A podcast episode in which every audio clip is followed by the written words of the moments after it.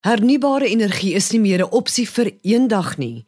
Die interregeringspaneel wat onlangs sy verslag oor klimaatsverandering uitgereik het, waarsku dat dit vinniger plaasvind as wat ons dink, met die temperatuur wat oor so min as 11 jaar met 3 grade Celsius kan styg indien die hoeveelheid kweekhuisgasse in die atmosfeer nie drasties verlaag word nie. Ons gesels vandag hier op die kookstuig met 'n wêreldleier op die gebied van hernubare en volhoubare energie, professor Dieter Holm.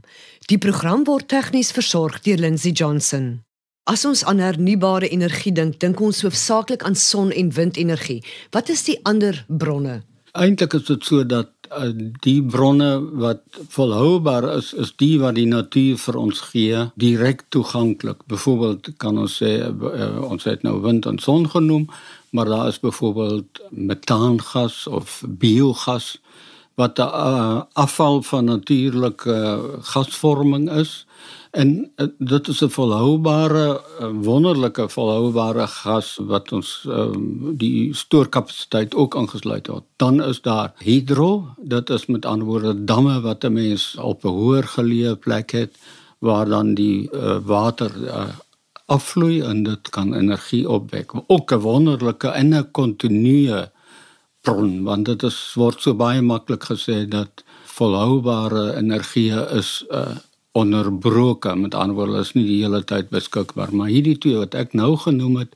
is uh, heeltemal volhoubaar. 'n Ander wonderlike volhoubare bron van energie is hout. Uh wat ons kan uh verbrand op verskeie wyse en dit is ook 'n pragtige volhoubare bron. Daar word gewaarsku dat erge watertekorte en hongersnood veral Afrika se voorland is as die temperatuur met 1,5 grade styg om nie eers te praat van 3 grade nie.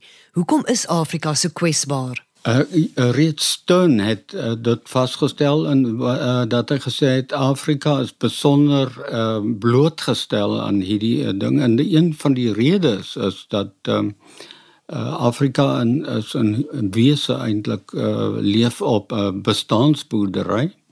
Met ander woorde min of meer van die hand aan die mond. As dan net 1 jaar uh, verandering in die klimaat kom sodat die oes wegval dan is dit klare hongersnood. Daar is met ander woorde geen buffer eintlik nie. En die gevolge daarvan is uh, onmiddellike hongersnood uh, droogtes en so aan En dan ehm um, die neeweffek daarvan is nie net dat die mense plaaslik verhonger nie, maar hulle gaan migreer.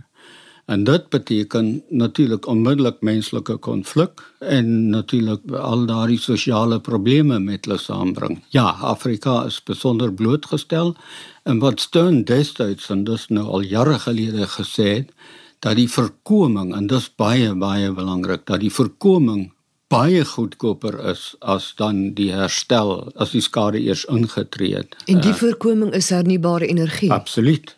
Uh nie net hernubare energie en dis baie belangrik om dadelik te noem energiedoeltreffendheid want dit is nog goedkoper as enige ander vorm van energie. Wat is energiedoeltreffendheid? Energiedoeltreffendheid is eintlik dat jy jou in die eerste instansie vra, het ek hierdie ding nodig? Moet ek dit nou hê? Moet ek in die kar daarvoor klim? Is daar 'n ander wyse om dit te kry of om kos te koop en en so aan? Kan iemand dit vir my met 'n fiets aflewer en so aan met ander woorde vir 'n sekere werk of 'n diensverrigting? Is dit die beste manier? En het ek dit nou nodig het? En dan die doeltreffendheid kom daarbey in om die resultaat wat ek nou kry dat ek dit wel op die mees energie 'n doeltreffende wyse eh, reg kry. Die hele wêreld moet nou saam staan om oplossings vir klimaatsverandering te kry, maar kan al die inisiatiewe suksesvol wees as lande soos Amerika nie amptelik aan boord is nie? Goeie vraag. Ehm um, Amerika is 'n geweldige groot industrie. Ehm um, hy is nie homogeen nie, moet 'n mens sê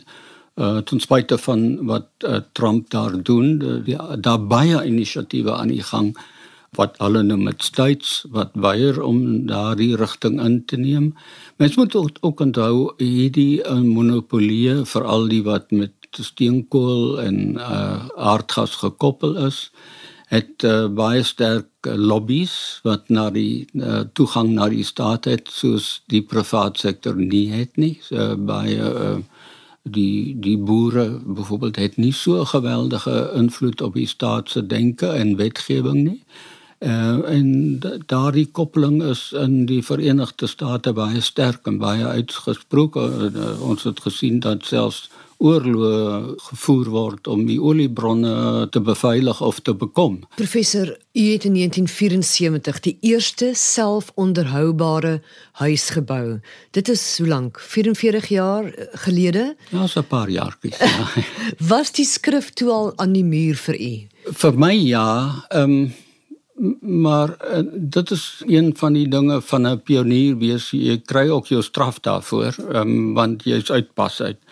Vir my was dit 'n uitdaging en baie lekker en ek was destyds aan die universiteit betrokke en dit was baie lekker want um, ek het geleentheid gehad om uh, met die voorste mense in daardie gebied te praat wêreldwyd maar ook met die studente saam en uh, die geleentheid gehad om dinge saam te ontdek en dit was baie baie opwindend. Professor, is dit die pad vorentoe laat ons almal hierdie selfonderhoubare huise gaan hê? In 'n mate is dit al reeds word ons gedwing daartoe. Dit is die mm, bouwette bepaal eintlik dat al dat jy ehm um, sogenaamde passiewe maatreëls moet doen. Passief beteken dat sonder dat jy aktief daarby aan dinge aan of aanskakel doen die huis of die gebou dit self. Uh, ons het uitstekende bouregulasies wat eintlik nou al bepaal dat jy ehm um, by voorkeur uh, sonwaterverwarming moet gebruik dat dit toelaatbaar is en aangemoedig word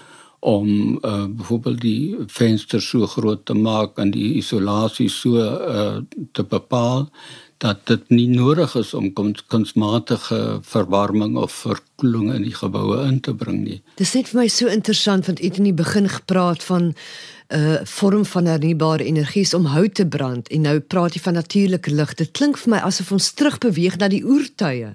Mooi vraag. Ek ek hou daarvan. Dit is in 'n sekere sin uh, dink ons altyd weer terug wat wat is jou um, menslike vermoëns en beperkings? Hierdie goed is eintlik alles behalwe die oertye want dit gebruik die mees gevorderde uh, tegnologie en naamlik hierdie uh, eh, IT. En een van die dinge wat nou aan die gebeur is eintlik dat die gebruiker baie meer sentraal word. Die gebruiker is te gelykertyd 'n produseerder en in Engels 'n prosumer, 'n producer and consumer. En waar hy voorheen net 'n consumer was, en uh, jy het uh, die staat of iemand anders gehad wat die producer was is nou is die publiek die algemene publiek is nou die prosumer die produseerder en die verbruiker. En dit deur middel van die heel modernste tegnologieë naamlik hierdie IT wat vir ons nou sê hey, hier kom nou 'n spits aanvraag. Nou kan jy jou energie in die netwerk inpomp teen 'n hoër tarief byvoorbeeld of jy kan nou ehm um, jy moet nou beter afgaan en jy gebruik jou motorkar byvoorbeeld as die battery om die surplus energie aan te stoor.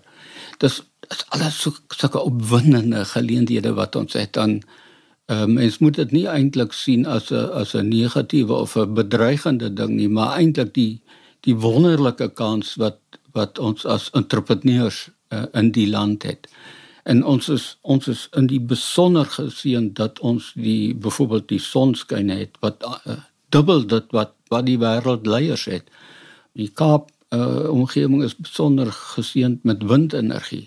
Ook het ons weer tot almal se verrassing baie meer daarvan as as wat wat voorheen vermoed is. Professor U is die sprekende voorbeeld van iemand wat die glas half vol sien. Dis wonderlik om te hoor. Ek sien hom 3 kwart vol. Dit was professor Dieter Holle met wie ons binnekort verder gaan gesels oor onder meer die potensiaal vir werkskepping met hernubare energie. Soos professor Hollem sê, is dit belangrik om te onthou dat al die uitdagings ook nuwe geleenthede bring. Die program word ondersteun deur die Wes-Kaapse Departement van Landbou. Ons groet tot volgende week. Onthou die aarde is kosbaar, kom ons bewaar dit.